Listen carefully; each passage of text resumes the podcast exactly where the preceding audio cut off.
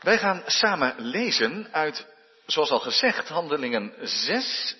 En wij lezen nu de versen 8 tot en met 15. Dus we zijn eigenlijk een tijdje geleden al in de, de dagelijkse uitzendingen, misschien heeft u die gevolgd en dan weet u dat wel, zijn wij uh, na het eerste stukje van Handelingen 1, zijn we naar Handelingen 3 gegaan en hebben toen eigenlijk vers voor vers doorgelezen door de hoofdstukken 3, 4 en 5 heen.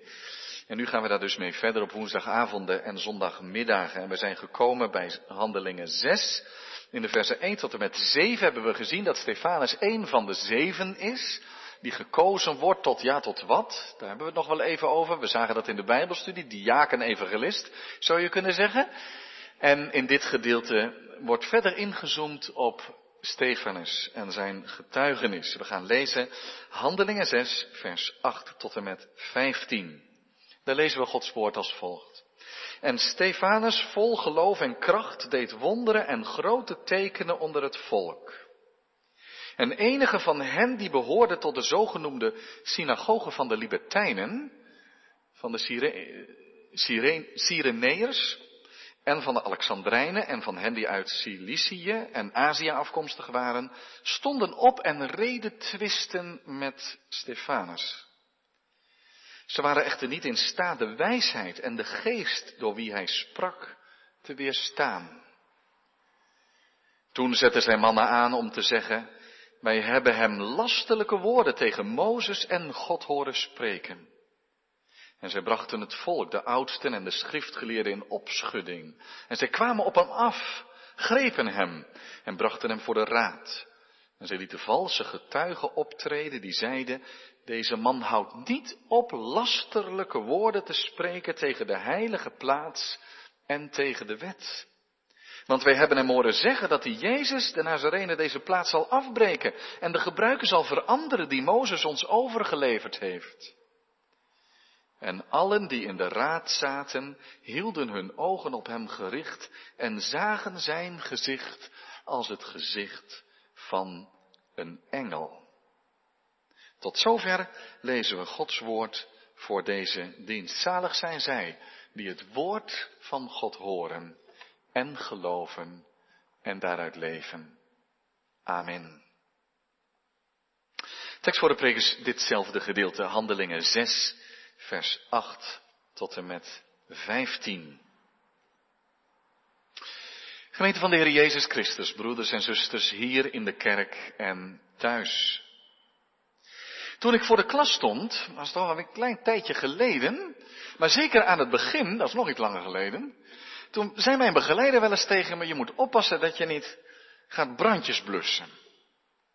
Nou, als je in het onderwijs werkt, heb je misschien die uitdrukking ook wel eens gehoord.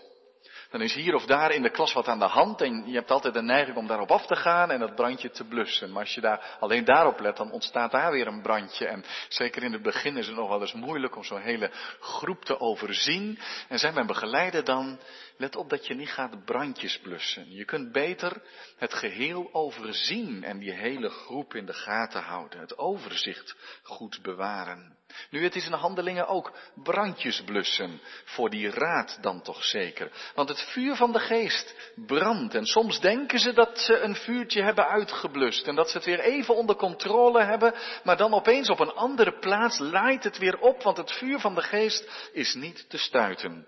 Het ene conflict is door de raad goed en wel bezworen of het andere dient zich aan. Men had toch wel zo mooi beleid, dat hebben we gezien in Handelingen 5, op advies van Gamaliel, die zei, laat die mensen nou begaan, laat ze met rust, laat ze hun christelijke geluiden maar laten horen over die Jezus, want het zal uiteindelijk wel weg hebben. Pas op dat je niet tegen God strijdt. En die man had zoveel gezag, dat ze hadden gezegd, nou vooruit, dat moeten we dan maar doen. Dan laten we die christenen wat ze zijn. En soms moet je een vuurtje nou eenmaal uit laten branden. Dan heeft blussen niet zoveel zin. En dan gaat het alsnog vanzelf uit. Dat hoopten ze. Maar nu brandt het opeens ergens anders. Niet meer in die sferen die ze met rust laten van de Hebreeuws sprekende apostelen. Maar dan opeens onder die Grieks sprekende is een nieuwe beweging op gang gekomen. Dit lijkt wel alsof het begin van Handelingen 6 En dat, was al zo zegenrijk, dat, dat die kink uit de kabel ging en dat die, die, die liefde die niet meer stroomde, dat het in orde kwam en dat er diakenen kwamen en dat de liefdedienst hier gewaarborgd was en dat had zegen gegeven. Kijk maar in vers 7 van Handelingen 6. Maar het gaat veel verder. Het lijkt wel het begin van een enorme nieuwe ontwikkeling in het boek Handelingen te zijn. Niet meer onder die Hebreeuws sprekende, maar nu onder de Grieks sprekende. En dan blijkt dat opeens dat die mensen als Stefanus heel wat meer deden dan mensen eten en drinken brengen en wat helpen met financiële nood, hoewel het heel belangrijk is. Dat er opeens veel meer gebeurt. Wat er niet allemaal kan gebeuren als de handen worden opgelegd en de Heilige Geest nieuwe wegen inslaat. Er ontstaat niet onrust rond Petrus nu, maar rond Stefanus. In de Grieks sprekende internationale gemeenschap van de synagoge van Jeruzalem. En zo komt hier heel de wereld in beeld. Het thema voor de preek is Stefanus onder vuur. En u raadt wel dat je dat een beetje dubbel mag opvatten. Stefanus is een van de mannen die dus aangesteld is tot, ja, tot diaken ongeveer, evangelist. Hij doet zijn werk als iemand die liefdadigheid steunt, maar blijkt ook evangelist te zijn. En laten we eerst maar eens vaststellen dat dat niet strijdt met elkaar. Diaconaat, praktische hulp aan elkaar en evangelisatie komen uit dezelfde bron voort, namelijk Gods liefde in de Heer Jezus Christus. En het is dan ook alleszins begrijpelijk dat iemand die diaconale taken krijgt ook verlangt een woord over de Heer Jezus Christus te spreken en de liefde van God tot redding van zondige mensen naar voren te brengen. Diaken evangelist. Nu deze Stefanus doet Wonderen staat er en grote tekenen. Hij was vol geloof en staat er nu ook bij en vol kracht. Dat stond er in vers 3 nog niet toen ze mannen zochten die uh, een goed getuigenis hadden, vol van de Heilige Geest en van wijsheid waren. Maar nu ze de handen opgelegd hebben gekregen, is die ook vol van kracht. Ik kan dat niet bewijzen, is dat ook daarvoor geweest? Maar ik heb het vermoeden dat nadat ze deze aanstelling hebben gehad, die zeven, waaronder Stefanus misschien de bekendste was, dat ze toen ook zo'n mate van de Heilige Geest hebben ontvangen dat ze vol waren van kracht en in dat geloof onder leiding van de Heilige Geest ook echt wonderen hebben gedaan. En dat denk ik omdat we later Filippus tegenkomen, die ook een van die zeven was. En die zich laat uitzenden, die zelf gaat naar Samaria en daar het evangelie predikt en ook tekenen en wonderen doet. Je leest dat in Handelingen 8, vers 4, vers 5 en 6. Maar hoe dan ook, Stefanus doet zijn werk. Hij gaat naar de mensen toe om ze te helpen. Hij geeft eten, drinken, financiële ondersteuning. En dan is het prachtig, een heerlijk diaconaat als je dan de gave van de geest hebt om de zieken niet alleen te helpen en te verzorgen, maar zelfs te genezen. En dat deed Stefanus. Maar het waren niet zozeer de wonderen en de tekenen die hij deed die de aandacht trokken. Het was vooral wat hij zei, wat hij verkondigde. Ze struikelen over zijn onderwijs en woorden. Waar komt de tegenstand vandaan? Niet bij de raad, want die houden voorlopig vast aan hun beleid om de apostelen met rust te laten. Het komt uit een andere hoek. Een hoek die ik wel noem de migrantensynode. Uh, synagoge, synode, dat zou ook wat zijn, zeg. Synagoge, de migrantensynagoge. Want staat er, vers 9, enige van hen die behoorden tot de zogenoemde synagoge van de libertijnen. Nou, nu heb ik zelf nogal wat bijgeleerd deze week, want bij libertijnen dacht ik altijd, oh dat woord dat ken ik wel een beetje, dat betekent, dat zijn vast hele liberale mensen. Dat zijn mensen die heel vrijzinnig zijn. Dat, zo klinkt dat toch, hè? Libertijnen, dat zijn vrijzinnige mensen. Daarom is het misschien niet zo'n gelukkige vertaling. Want dan denk je, vrijzinnigen, die zouden daar toch niet over moeten struikelen. Die zijn wel in voor iets nieuws. En als dan Stefanus komt die dat aloude geloof gewoon op een andere manier verkondigt, dan moet een vrijzinnige daar toch niet zoveel moeite mee hebben. Maar, maar dat speelt hier blijkbaar niet. Want het, het woord libertijnen is een vertaling van een woord wat vrijgelatenen betekent. En dan kom je toch in een andere sfeer. Vrijgelatenen. En de meeste verklaarders zeggen dat de Romeinse overheersing in Israël, ja die begon in 63 voor Christus. Dus toen kwamen de Romeinen en hebben het land Israël ingenomen. 63 voor Christus. En dat is natuurlijk hardhandig gebeurd. En toen hebben ze, we weten dat, onder leiding van Pompeius, hebben toen de Romeinen veel Joodse mensen meegenomen naar Joden als slaven. Maar deze mensen die vormden gaandeweg in Rome hun kinderen, hun kleinkinderen, hun achterkleinkinderen, een Joodse gemeenschap, die gaandeweg hun vrijheid terugkreeg, vandaar de naam vrijgelatenen. En die ondertussen wel in een Griekse cultuur en taal opgroeiden, maar heel duidelijk vasthielden aan hun Joodse geloof en Joodse identiteit. Dat was voor hen juist in die heidense omgeving heel belangrijk. En verschillende van hen, toen ze toch eenmaal vrij waren en de gelegenheid hadden, die verlieten toen Rome weer en hebben gezegd, we gaan terug naar de, het land van de belofte, we gaan terug naar de stad van de belofte. En zo kwamen ze terug in Jeruzalem. En dan gebeurt, en daar weet Sjaak natuurlijk alles van, dan, dan, dan gebeurt wat vandaag de dag ook gebeurt. Dan kom je in een vreemd land en je zoekt aansluiting bij een kerk en dat blijkt dan heel lastig te zijn. En soms gaat het heel goed en soms is dat lastig. En als mensen de culturele klik niet kunnen maken, dan zie je wel eens gebeuren dat ze dan maar toch liever een christelijke gemeente bezoeken van hun eigen nationaliteit en hun eigen cultuur. En dan heb je een migrantenkerk, een Ghanese of een Chinese of noem maar op, een, een migrantenkerk. Dus ze zijn naar Jeruzalem gegaan, ze hebben hetzelfde geloof, maar ze hadden een eigen synagoge. Waar waarschijnlijk ja, die Hebreeuwse rollen wel werden gelezen, maar de, de, de taal, de omgangstaal Grieks was. Nou, en daarom kunnen we het ook wel begrijpen dat in die synagogen van de libertijnen, de vrijgelatenen, de Cyreneërs ook aansluiting konden vinden, want die hadden dezelfde taal en die voelden zich ook niet zo heel erg op hun gemak in Jeruzalem. En de Alexandrijnen, die kwamen uit het zuiden, en, en de mensen uit Cilicië, die kwamen dan uit het noorden, en die vonden daar allemaal hun onderdak. Een migrantenkerk, multiculti zou je kunnen zeggen, internationaal. Maar één ding hebben ze allemaal uh, met elkaar gemeen. De Hebreeuwse synode, synagogen, daar komen ze net niet helemaal tussen. Ze zijn echt mensen vanuit het buitenland. En de weerstand tegen Stefanus komt juist uit die synagogen.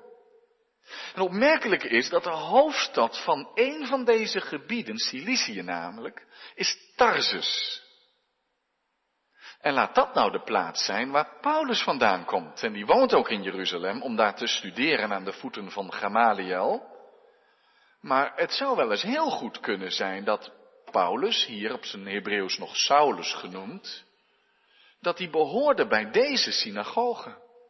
En dat ze dus helemaal niet zo libertijns waren, in de zin van alles kan daarbij door, maar dat juist in die verstrooiing, in die hele Romeins-Griekse wereld, ze des te steviger vasthielden aan de gebruiken die hen overgeleverd waren. Want dat was hun identiteit, dat ze Joods waren.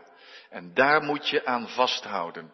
En Saulus, de hardliner, veel hardlineriger dan Gamaliel, die hoorde misschien wel bij deze synagoge. Nee, liberaal waren ze beslist niet. Misschien dat het feit dat ze juist in den vreemde geleefd hadden, hem nog scherper hadden gemaakt om geen duimbreed toe te geven aan die Romeins-Griekse cultuur. En dat krijgen we bevestigd als we Paulus volgen op zijn zendingsreizen. En als hij steeds weer die synagoge binnengaat, dan zou je zeggen, een beetje vrijzinnigheid, ze nemen dat wel. Maar de weerstand is bijzonder groot, want ze moeten van een nieuwe leer niets hebben. Ze willen Mozes en de profeten op hun oude manier blijven lezen. Anders dus dan die Sadduceeën, we hebben dat als u dat gevolgd heeft nog wel uh, voor het voetlicht gehad. Anders dan die Sadduceeën hadden zij geen macht te verliezen. De Sadduceeën en de aristocraten, de belangrijke mensen, die gaven leiding aan de tempel en konden het daarom al niet hebben dat de apostelen zoveel aanhang kregen. Maar hier hadden ze geen macht, ze hadden geen macht te verliezen. Het gaat hun echt om de leer. Om Mozes en om God. Want er zijn vier dingen die hun denken bepaalt. Hun identiteit, en die zijn onopgeefbaar. De tempel en de tempeldienst. De wet. Het land. en het volk Israël. Gods volk. En daarachter natuurlijk God zelf. Dat is hun diepste identiteit. Daar moet je niet aankomen. Dan moet je niet zeggen dat Mozes nog steeds wel geldt en toch zijn tijd heeft gehad. En dat de wet ons bij de hand neemt en brengt tot Christus. En dat het niet meer is zoals in het Oude Testament, maar dat er ook werkelijk een nieuwe tijd is aangebroken.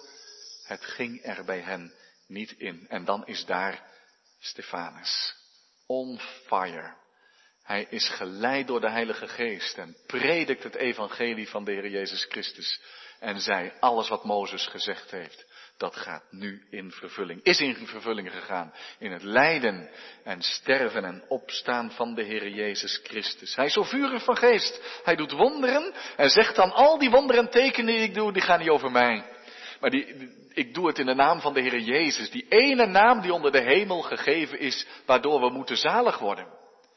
En deze Jezus Christus in hem is de redding. Je moet naar hem luisteren. En het offer wat hij heeft gebracht is meer dan alle offers in de tempel. Het vervult zelfs die offers. En als je nu nog doorgaat met offeren wat vroeger goed was, dan doe je nu geen recht aan het evangelie van de Heer Jezus Christus.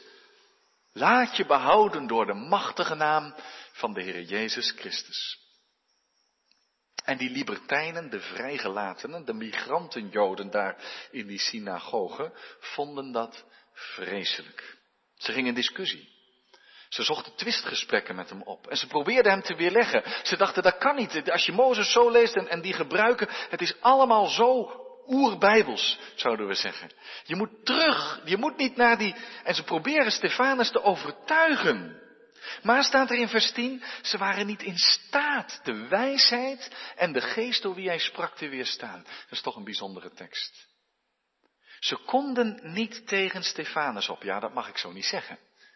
Ze konden niet tegen de Heilige Geest op die door Stefanus spreekt.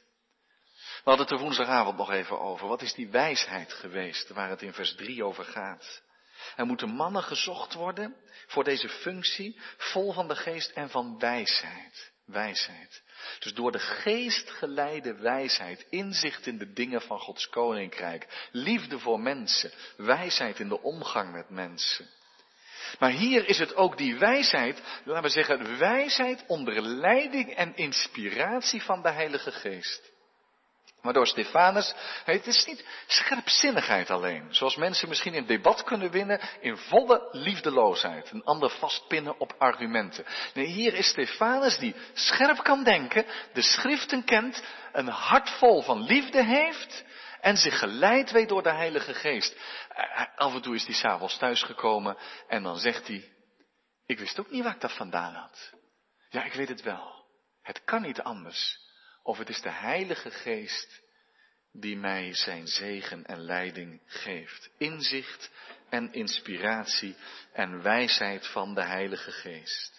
En dan kun je niet een heel makkelijk onderscheid maken van, oh dat was de kennis van Stefanus zelf en toen kreeg hij een gedachte van de Heilige Geest. Stefanus kan dat allemaal niet meer zo van elkaar onderscheiden. Die zegt, ik, ik, soms merk ik dat met de gaven die ik al eerder van de Heer heb gekregen en met mijn denken, dat ik helemaal in, in, in dienst genomen ben, dat ik in beslag genomen word en dat ik echt merk dat ik een instrument ben in de handen van de Heer.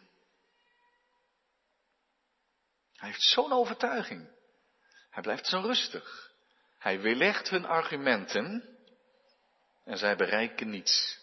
En alles wat ze tegen hem inbrengen, daar heeft hij een rustig en inhoudelijk antwoord op. En dan zien we hoe Stefanus hier, en dat, dat wordt heel opvallend in de geschiedenis van Stefanus, dat hij echt een, een volgeling van de Heer Jezus Christus is. In zijn voetsporen gaat. Die ook twistgesprekken kende. En wiens wijsheid ze ook niet konden weerstaan. En zelfs mag Stefanus in het sterven nog gelijkvormig worden aan de Heer Jezus Christus. En was het niet de Heer Jezus zelf die gezegd heeft, het is een tekst uit Lucas 21, opmerkelijk toch, 21 vers 15. Dat je mij niet van tevoren alles hoeft te bedenken wat je zeggen moet als het vuur je aan de schenen wordt gelegd. Want, zegt de Heer Jezus, ik zal uw mond en wijsheid geven die al uw tegenstanders niet zullen kunnen weerspreken of weerstaan. Ik denk dat Lucas dat nog geweten moet hebben nadat hij zijn evangelie heeft geschreven, dat hij dat uit de mond van Jezus heeft opgeschreven en dat u nu zegt, zie je nou dat het in vervulling gaat? Ik zal u mond en wijsheid geven om al uw tegenstanders, dat al uw die al uw tegenstanders niet zullen kunnen weerspreken of weerstaan. En dat gaat hier door de kracht van de geest in vervulling. Stefanus ligt onder vuur. Het vuur van de aanval. Maar zijn hart is ook vol vuur, maar dan vuur van de Heilige Geest. Van wijsheid, van inzicht en van overtuiging en van kracht en van vrijmoedigheid. Wat een geweldige belofte, ook voor vandaag. Want de Heer heeft nergens gezegd dat duurt tot het jaar 100. Want de Heilige Geest is er nog. En op momenten dat je het nodig hebt, mag je daarom bidden. Nee, we mogen er altijd om bidden. Maar dan mogen we het ook ontvangen, inzicht, hoe te reageren. Juist als ons het vuur aan de schenen wordt gelegd. Dat je van Hem vrijmoedigheid ontvangt. Want de Heere heeft gezegd dat allen de Heilige Geest ontvangen. Die het evangelie van Jezus Christus gehoor geven. Ik weet niet wat u doet als u een discussie niet kunt winnen. Maar globaal gezien kun je drie dingen doen. Je draait je om, je haalt je schouders op en je kijkt weg, maar dat is een beetje flauw natuurlijk. Dan ga je er gewoon langs heen. Of je gaat overstag en je zegt je hebt gelijk. Ik luister ernaar. Of je gaat met modder gooien. Dat kan ook. Als je niet kan winnen, ga je met modder gooien. Nou, ze gooien met modder hier en straks ook met stenen. Er klinken valse getuigenissen, kijk maar. Ze kunnen niet winnen. En vers 11 zegt, toen zetten zij mannen aan om te zeggen, we hebben hem lasterlijke woorden tegen Mozes en God horen spreken. We hebben hem lasterlijke woorden horen spreken tegen Mozes, heel de wet van Mozes, de tempel, de gebruiken, alles, offerdienst, alles hoort erbij. Maar zo ook tegen God zelf. Dat is voor hen natuurlijk hetzelfde. En dan brengen ze iedereen in opschudding. Maar ja, ook toen hadden ze een blasfemiewet. Soms hoor je daarvan, hè? Pakistan, de blasfemiewet. Asia Bibi, die lang in de dodencel heeft gezeten omdat ze beschuldigd werd van blasfemie tegen de profeet. En wel vrijgesproken, maar hoeveel zitten er niet zonder dat we de namen kennen in de gevangenis, blasfemiewet. Maar zij hadden het eigenlijk ook. Ze zeggen, Stefanus, als je hoort wat hij zegt tegen Mozes en tegen God, dat kan niet, dat kun je niet tolereren. En de raad, die eigenlijk al als, al als beleid had, we doen er niks aan, we laten het maar uitbranden. Die, die kan niet anders als het volk in, in, in, in beweging komt. Dat kan er niet, er komt bijna een volksoproer. Er zijn mensen die zeggen, let op, die Stefanus, die zit iedereen van God en Mozes af te halen. Blasfemie. Blasfemie. Je last het God en de wet. Je spreekt tegen Mozes. Jezus de Nazarener zal deze plaats afbreken. Dat is wel natuurlijk een beetje een vals getuigenis, want dat heeft Jezus zo niet gezegd.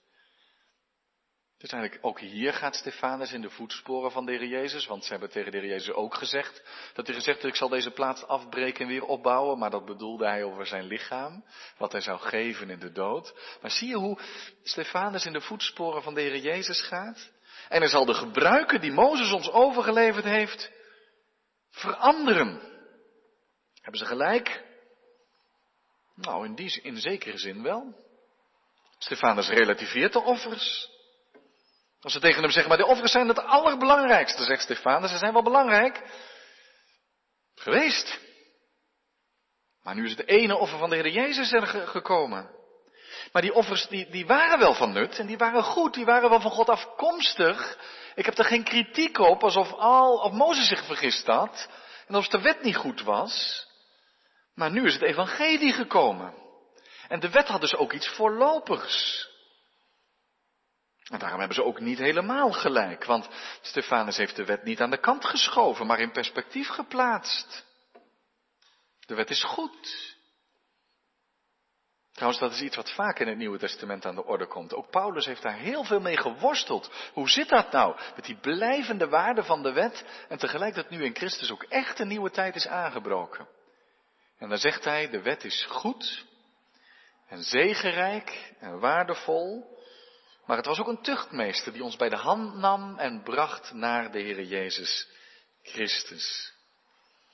En Stefanus zegt dus, ik doe geen afbreuk aan de wet, maar de wet bracht ons naar Christus. En nu moet je dus niet van Christus terug naar Mozes.